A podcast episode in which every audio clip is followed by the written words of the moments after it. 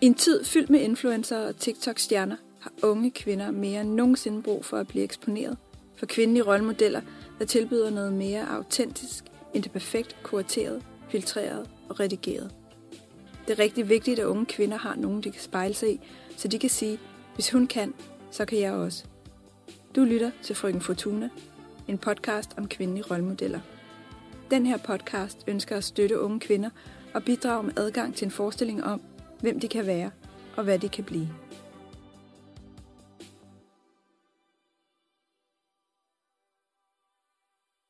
Velkommen til allerførste afsnit af Frøken Fortuna.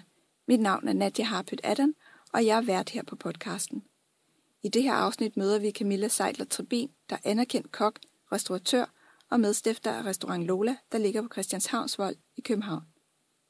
I slutningen af teenageårene havde Camilla Seidler ikke en plan om at blive anerkendt kok. Men da den britiske stjernekok og kogebogsforfatter Jamie Oliver toner frem på skærmen i de danske hjem, bliver Camilla inspireret til at søge ind på Hotel- og Restaurantskolens grundforløb. Siden har hun rejst jorden rundt med sit arbejde. I dag er Camilla Seidler Trebin anerkendt for sit arbejde som kok og som forkæmper for en mere bæredygtig og socialt ansvarlig madkultur. Alligevel kan hun stadig tvivle på sig selv. For som hun selv siger, findes der utrolig få kvindelige restauratører, man kan spejle sig i. Siden interviewet har Camilla Seidler Trebin indgået et partnerskab med Trine Hanemann, der har 30 års erfaring i branchen. Camilla bliver direktør i den nye virksomhed, som er baseret på bæredygtige løsninger, og som restaurant Lola og Hanemanns Køkken bliver samlet under.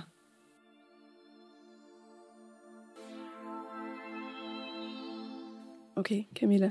Hvad betyder succes for dig?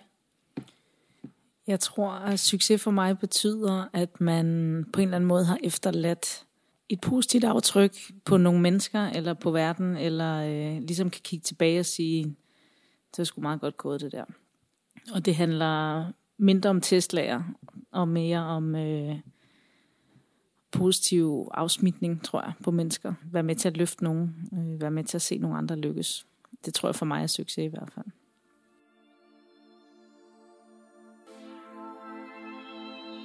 Jeg hedder Camilla Seidler Trebin, og jeg er 39 år og kok og restauratør. Og øh, ja, lige nu sidder vi på restaurant Lola, som jeg har med nogle partnere og nogle andre dygtige mennesker. Og øh, ja, Christianshavns Vold, som jo er et lidt sjovt sted i København, fordi vi ligger jo i sådan en oase, øh, sådan en lille have op på toppen af en bakke, selvom vi er to minutter fra en metrostation. Så det er, det er sådan Ja, jeg tror bedst det kan beskrives som en oase midt i byen. Hvad betyder det her sted for dig? Øh, det betyder en del, fordi jeg troede aldrig, jeg skulle være selvstændig på den her måde. Og det er jo øh, til tider enormt øh, afskrækkende, men det er, også, øh, det er også fedt at kigge på et fysisk sted og sige, hold kæft mand, det er, sgu, øh, det er vores det der. Det betyder meget, og det betyder meget, fordi jeg i mange år aldrig troede, jeg skulle være selvstændig. Det er fint nok at være køkkenchef, men så havde man heller ikke ligesom alle de overhængende farer øh, og økonomiske øh, mulige vanskeligheder osv., øh, man skulle tage sig af. Men det har man så nu. Så det er ret spændende.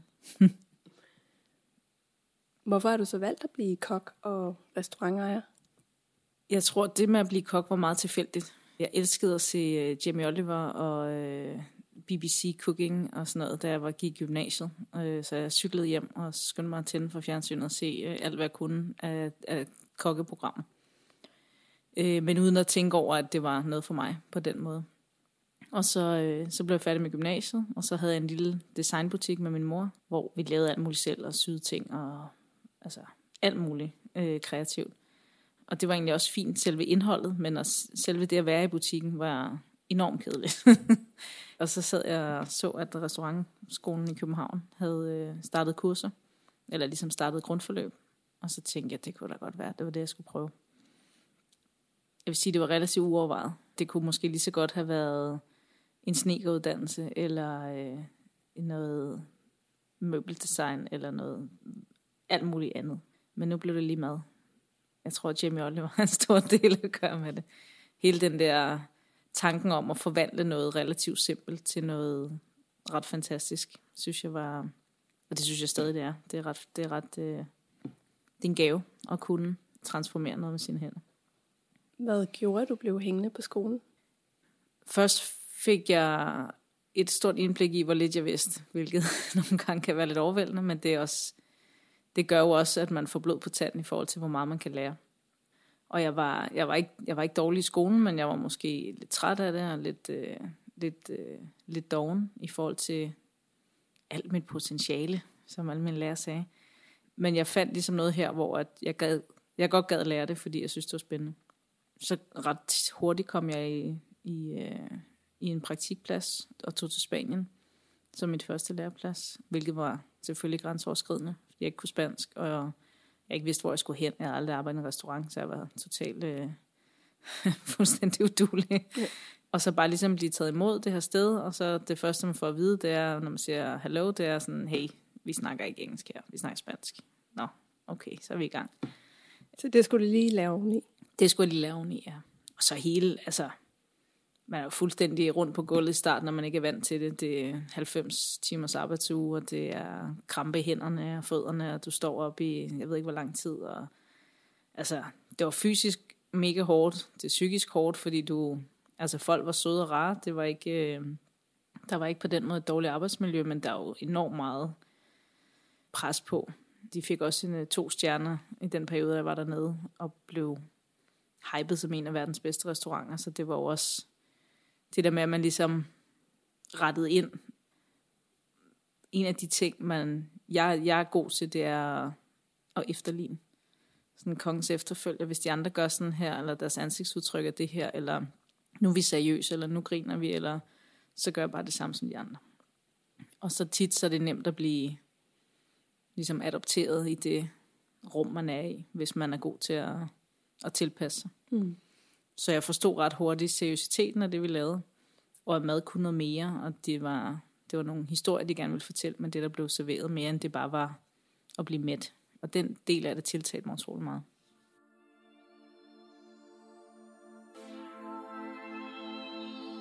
Du, øh, du var kun 21 på det tidspunkt, du startede ja. med elev. Ja, altså kun og kun. Det er jo øh, det er lidt sent i vores branche, eller det var det i hvert fald dengang. Det er det ikke så meget mere, men, øh, men det der med at tage gymnasiet først, øh, var ikke så typisk. Øh, så mange startede allerede som 16-17-årige efter folkeskolen. Men jeg tror, det var godt for mig, lige at have, have de der år med lidt, lidt ja, det former jo en på en eller anden måde, og det der med, at du også kan tale med på nogle ting, som du har lært. Altså doriske søjler i det antikke romerske, hvad hedder det, land. Ikke? Altså sådan nogle ting, hvor man ligesom godt vidste, hvad det betød, eller man havde været øh, var meget på museum og så videre som barn. Og det der med, at du, du også har en generel social interesse for alt, hvad der ligger inden for det, tror jeg er vigtigt. Med at også lære at stå på egen ben og, og kunne svare for sig, netop når du er i en svær situation. Så det er ret vigtigt, at folk ikke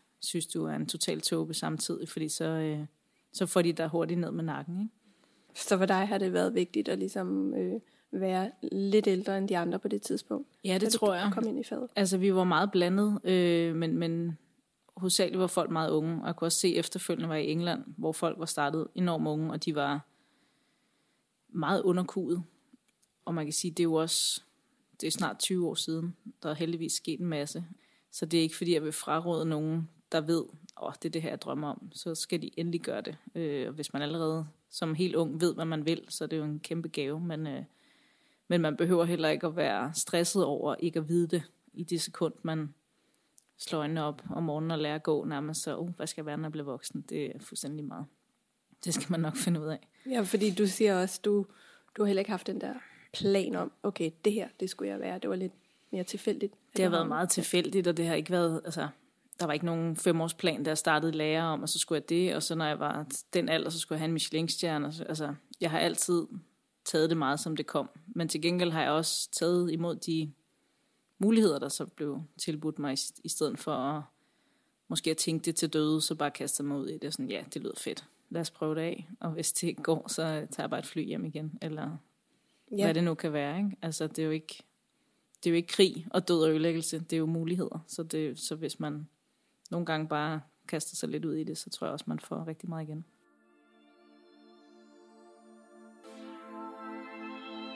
Jeg sådan oplever, at du har haft sådan et kæmpe drive. Altså, som det, det er ret unikt at, at ture gribe mm. de her muligheder, og ture lade være med at tænke det hele til døde, og bare springe ud i det. Hvad, hvad tror du, der har været årsagen til, at du, du bare har gjort det? Jamen, jeg tror en... Øh, altså en, en blanding af altid at ikke at kede sig lidt, men det der med sådan, hvad er det næste? Og det kan også være en ulempe, at man ikke kan tingene ligesom øh, til enden, eller koncentrere sig om noget i rigtig lang tid. Men, men jeg tror sådan en, en blanding af at have lyst til at bevise noget, samtidig med at vide, at jeg havde opbakning til, hvis det ikke gik, så kom jeg bare hjem igen, eller så var det fint. Jeg har aldrig haft det der sådan, nu skal du noget, og nu skal du blive til noget. Du må ikke være kok, du skal være læge. Og du, altså, der har ikke været det der pres akademisk for, hvad jeg skulle. Mine forældre har ligesom lagt en plan for mig, da jeg blev født, og så havde store tanker om, hvad der skulle ske. Øhm, det der med at, at føle, at, at det gjorde ikke noget, man fejlede, men heller ikke stress over fejl. For du kan ikke, altså, der er ikke nogen fejl.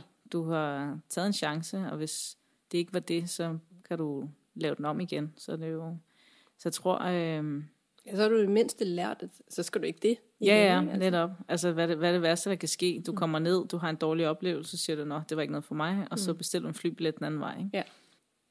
Og gennemgå måske et 4, 5, 6, 8, 10 år langt studie med noget, du hader, fordi du skal bevise noget over for nogen. Det kommer der virkelig ikke noget godt ud af. Det tror jeg simpelthen ikke på, at man, at man kan leve med i længden ja, så jeg tror, det at brænde for det, og, og ville det, og, øh, og have lyst til at, og, at blive dygtigere hele tiden. Altså det, jeg sætter meget pris på ved, ved det her fag, det er jo, at man aldrig lærer det hele. Man kan aldrig blive dygtig nok. Hvis man bare snakker rent teknik, så kan man jo bare vinde snuden mod en ny verdensdel, og så er der 10.000 ting, man ikke ved, og ingredienser, man ikke kender osv., men, men også hele, altså lederskabsdelen, økonomidelen, der er, jo, der er jo super mange grene i det her. Det er jo ikke, altså en ting er at hakke et løg, men så er der også at lægge et budget for det løg, og der er også at betale husleje for det løg. Altså hele, ja, tilbage til producenten, hvad er det for en løg, hvor kommer det fra, hvem har lavet det, er det forsvarligt produceret, er det øh, med EU-tilskud, altså der, der, der er masser, man kan sætte sig ind i, andet end bare øh, at udføre arbejdet. Ikke? Og det er den del af det, jeg kan mærke nu, der vokser på mig, det er at blive blive dygtigere til at, at drive forretningen, og, og jeg synes stadig, det er enormt spændende at, at lave, altså jeg kigger i kåbe om søndagen, når andre normale mennesker, de øh, læser avis, eller hvad de nu gør, ikke? eller ser TikTok, eller andre, virkelig. Så, jeg, så tager jeg sådan et 10 kåbøger frem, så mm. og kigger i dem. Og det er ikke fordi, så kan det være, at jeg laver fire tingene, fordi jeg synes, det er sjovt. Men det er også det der med at, en blanding af at holde sig aktuel, men også at, at, at blive ved med at, at lære noget. Jeg tror, det er farligt at læne sig tilbage for tidligt og sige, at det var det, nu er jeg god til det, så behøver jeg ikke at ja. gøre mere. Så har du sat dig nogle mål? Mm, altså jeg tror, øh, det at lykkes med det her, oven på øh, corona og alt andet, øh, kriser og dyre råvarer og personalmangel og alt det andet, der lige har været presset ind de sidste par år, så tror jeg, at øh, planen lige nu, det er at lykkes øh, med det, vi har gang i.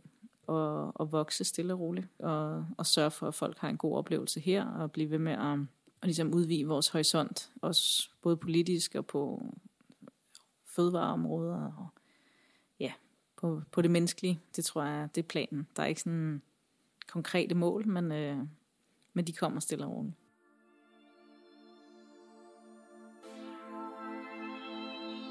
Du nævnte før det her med, at øh, bare det at lykkes efter sådan en omgang corona. Mm. Har du oplevet at miste modet i, i hele den her rejse? Øh, bare tænkt, hvad, hvad er meningen med det hele? Altså. Ja, det, det må man sige. Altså man kan sige, at læretiden er det jo, der er det jo hårdt, meget hårdt, meget også rigtig fedt. Øh, men man har der nogle dage, hvor man sådan, okay, er det det her, der skal ske resten af mit liv. Ikke? Og så øh, kommer man op næste dag, og så har man en bedre dag, og så kører det videre. Jeg tror for mig er det det der med, at, at man, man yder alt, hvad man kan, og man giver sig selv 110 procent. Det at være i servicebranchen er jo også, fordi man godt kan lide at skabe gode oplevelser og servicere. Og, øh, og give folk nogle minder med hjem.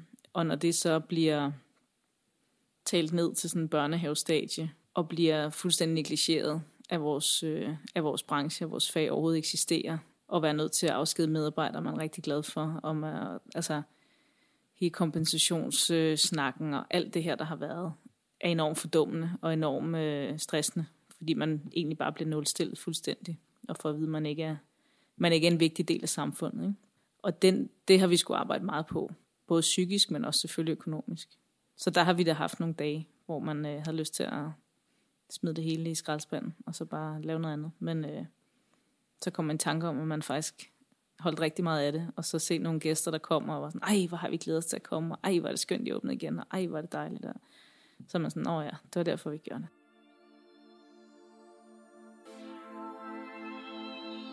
For os, der ikke er en del af den her branche, kan du beskrive, hvad det er for en branche, vi har med at gøre?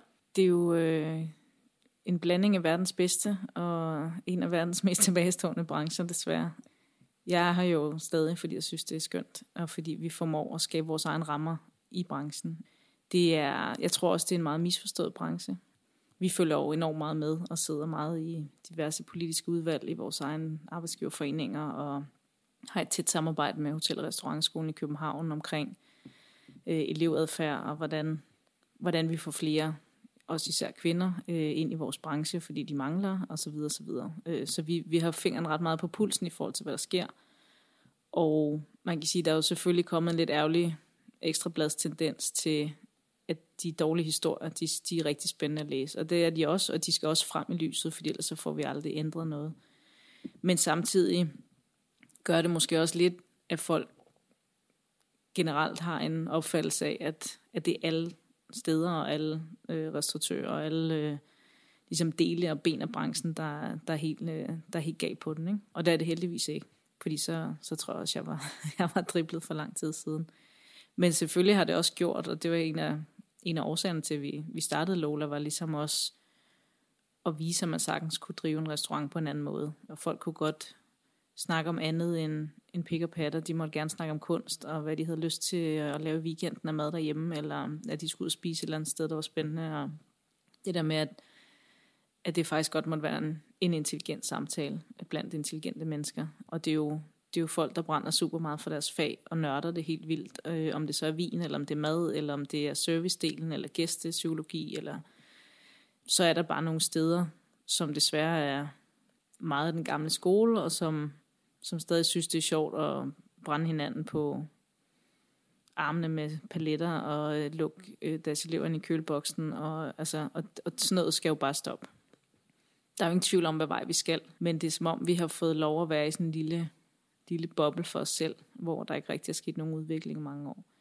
Og så tror jeg, at hele, hele MeToo-bølgen har været enorm givetig for vores branche at få sat nogle ord på de her ting. Og, få, og der er jo fandme mange øh, de der store mandlige kalifer, der er hoppet i flyverskjul, fordi sådan, uh, det er lige rundt om hjørnet, den der kæmpe forsidartikel der, ikke?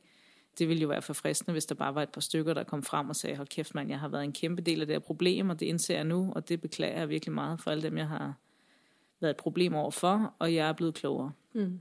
Det vil jeg respektere så meget mere, end at man prøver at gå og tro folk til at tige stille og alt muligt andet. Ikke?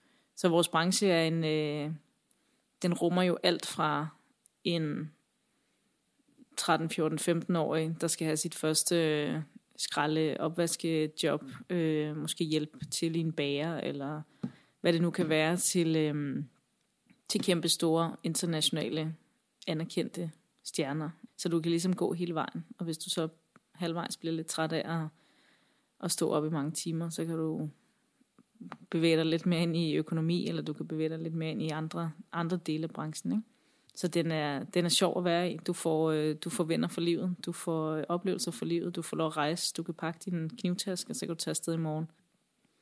Der er for første gang i 15 år et øh, kæmpe, kæmpe stor stigning i ansøgere på Hotel- og Restaurantskolen i København, så, så det går heldigvis i den rigtige retning.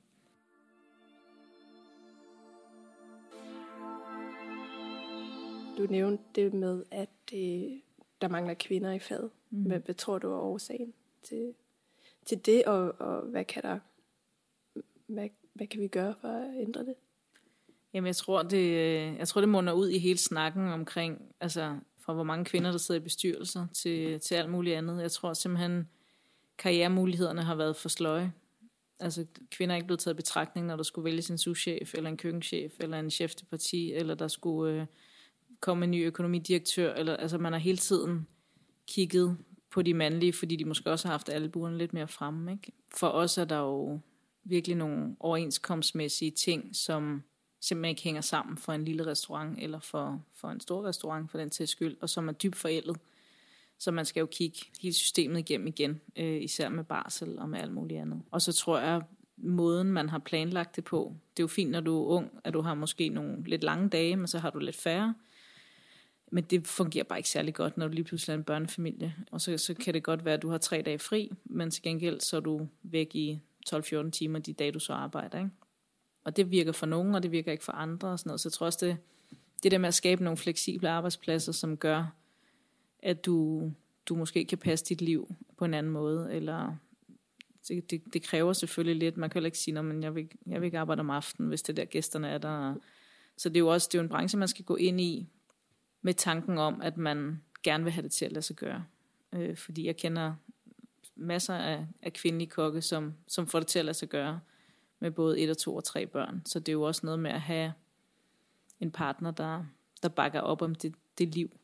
Så kan det ikke nytte noget, at man begge to skal være på en aftenrestaurant. Så må man jo flex lidt, eller måske finde et sted, hvor man kan have nogle dagvagter. Altså, så det er jo, selvfølgelig kan det lade sig gøre.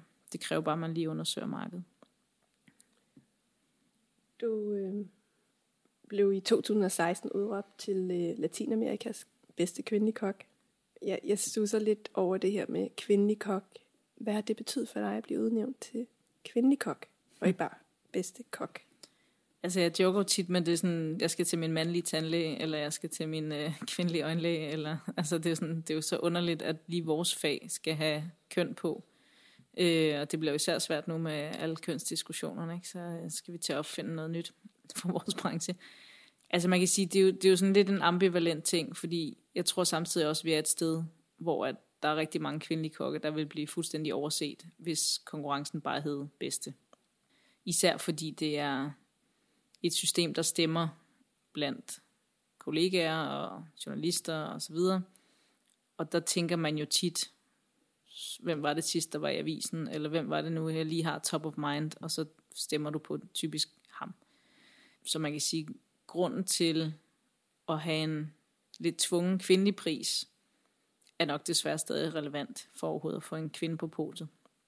At det så er en lidt underlig ting at have verdens bedste et eller andet i en branche, der er om noget gennemsyret af, af, af teamwork, det, det er så en helt anden sag.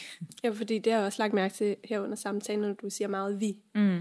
At vi gør, og vi mener, og vi kommer ovenpå efter corona og så videre. Mm.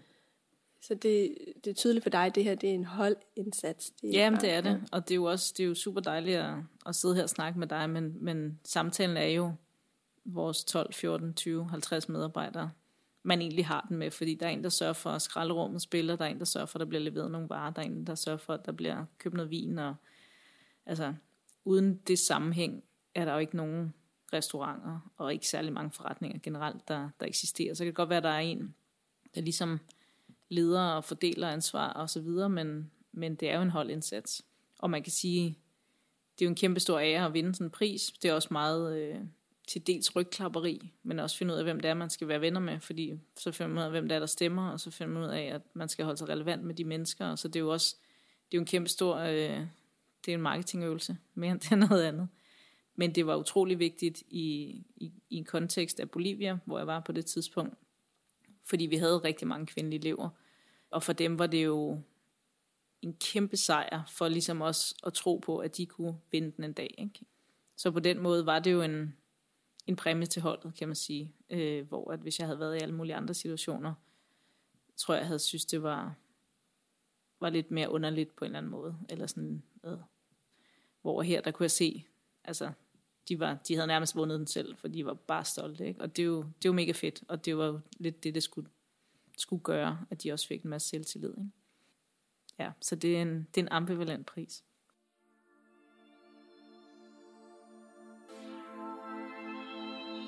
Betyder det noget for dig at få sådan en pris, eller at restauranten får anerkendelse af den ene eller anden slags? Er det, er det, er det noget, du går op i?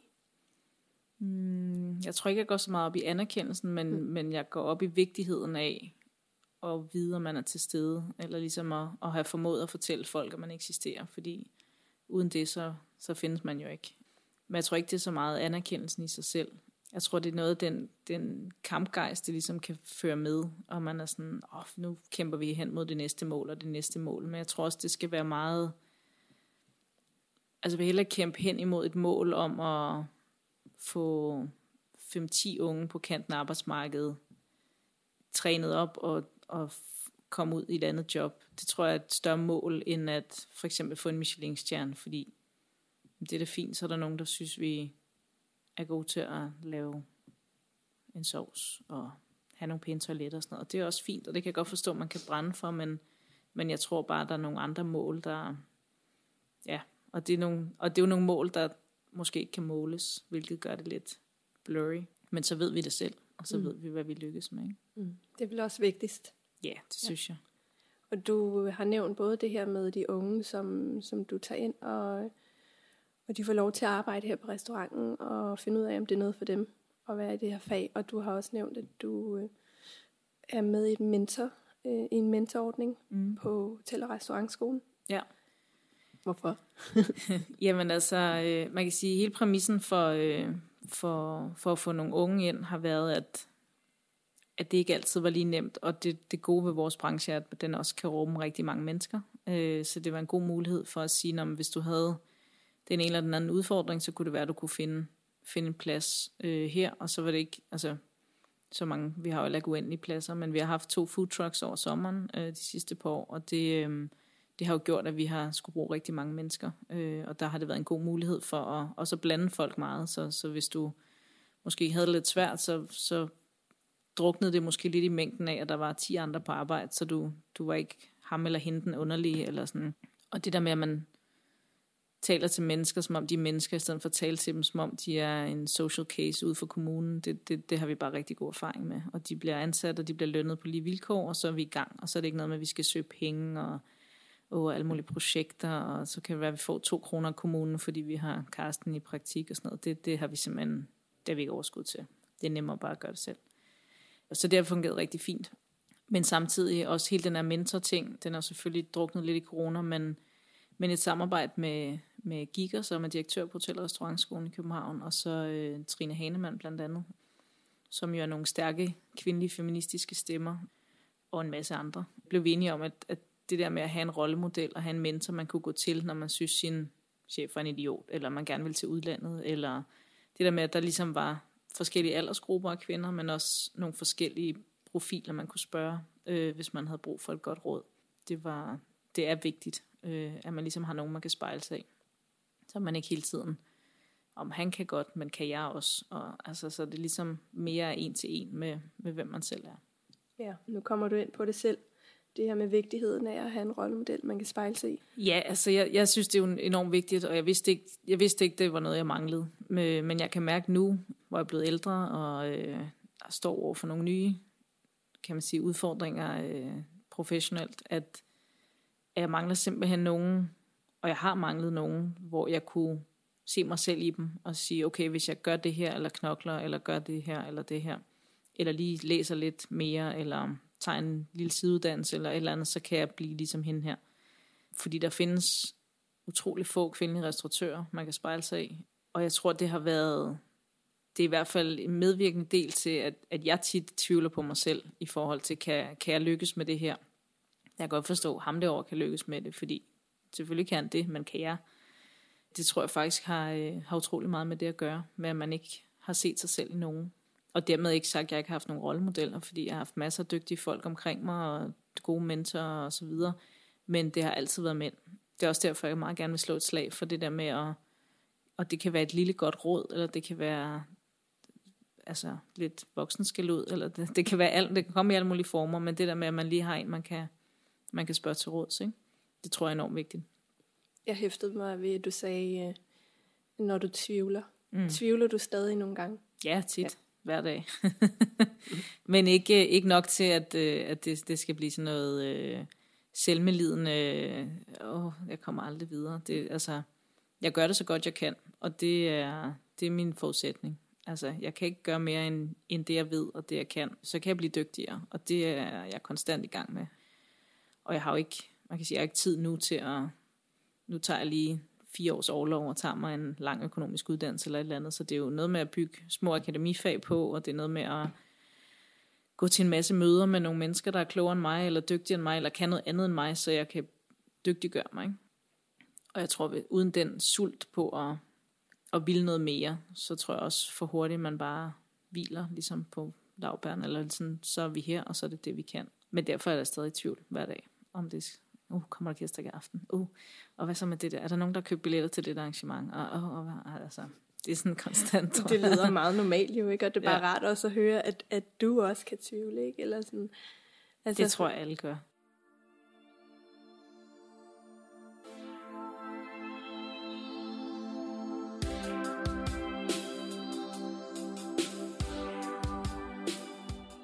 Jeg kunne godt tænke mig at høre, om du har et godt råd til den yngre Camilla, der måske lige er startet som elev, er havnet i Spanien på en eller anden vild restaurant, som hvad kunne du tænke dig at, at give hende gode råd? Eller? Jamen jeg tror, jeg tror at mit, øh, mit bedste råd vil nok have været at skrive nogle flere ting ned. Jeg har oplevet ufattelig mange ting på ufattelig kort tid. Og både fra Spanien og fra England, men også fra Bolivia. Og efterfølgende rejst verden rundt med det her fag. Og der er, simpelthen, der er simpelthen ting, jeg ikke kan huske. Og der er ting, jeg... Når andre fortæller mig den, hvor jeg er sådan, gud, det er rigtigt. Og det er jo et kæmpe privilegie, men det er jo også lidt ærgerligt, at det gik så stærkt, at man ikke nåede at få det hele med. Så jeg tror, øh, noget dagbog og nogle flere, øh, nogle flere opskrifter noteret ned, så kunne det være, at jeg ikke skulle kigge så meget i kogebøger. men ja, nyd det. Nyd det i øjeblikket og lade være hele tiden at skulle noget nyt og ville videre, men øh, rent faktisk lære at trække vejret og sætte pris på det, man har i det øjeblik. Det lyder som et godt råd. Så siger jeg tak. Tak. Mm. Tak for invitationen. Følg med på Frøken Fortunas Instagram, hvor I kan stille spørgsmål og komme med jeres egne bud på, hvad det vil sige at være en god rollemodel. Tak til Niels Christian Bernsen for at lave musikken og for ledredigering. Mit navn er Nadia Harpet Adam. Tak fordi I lyttede med.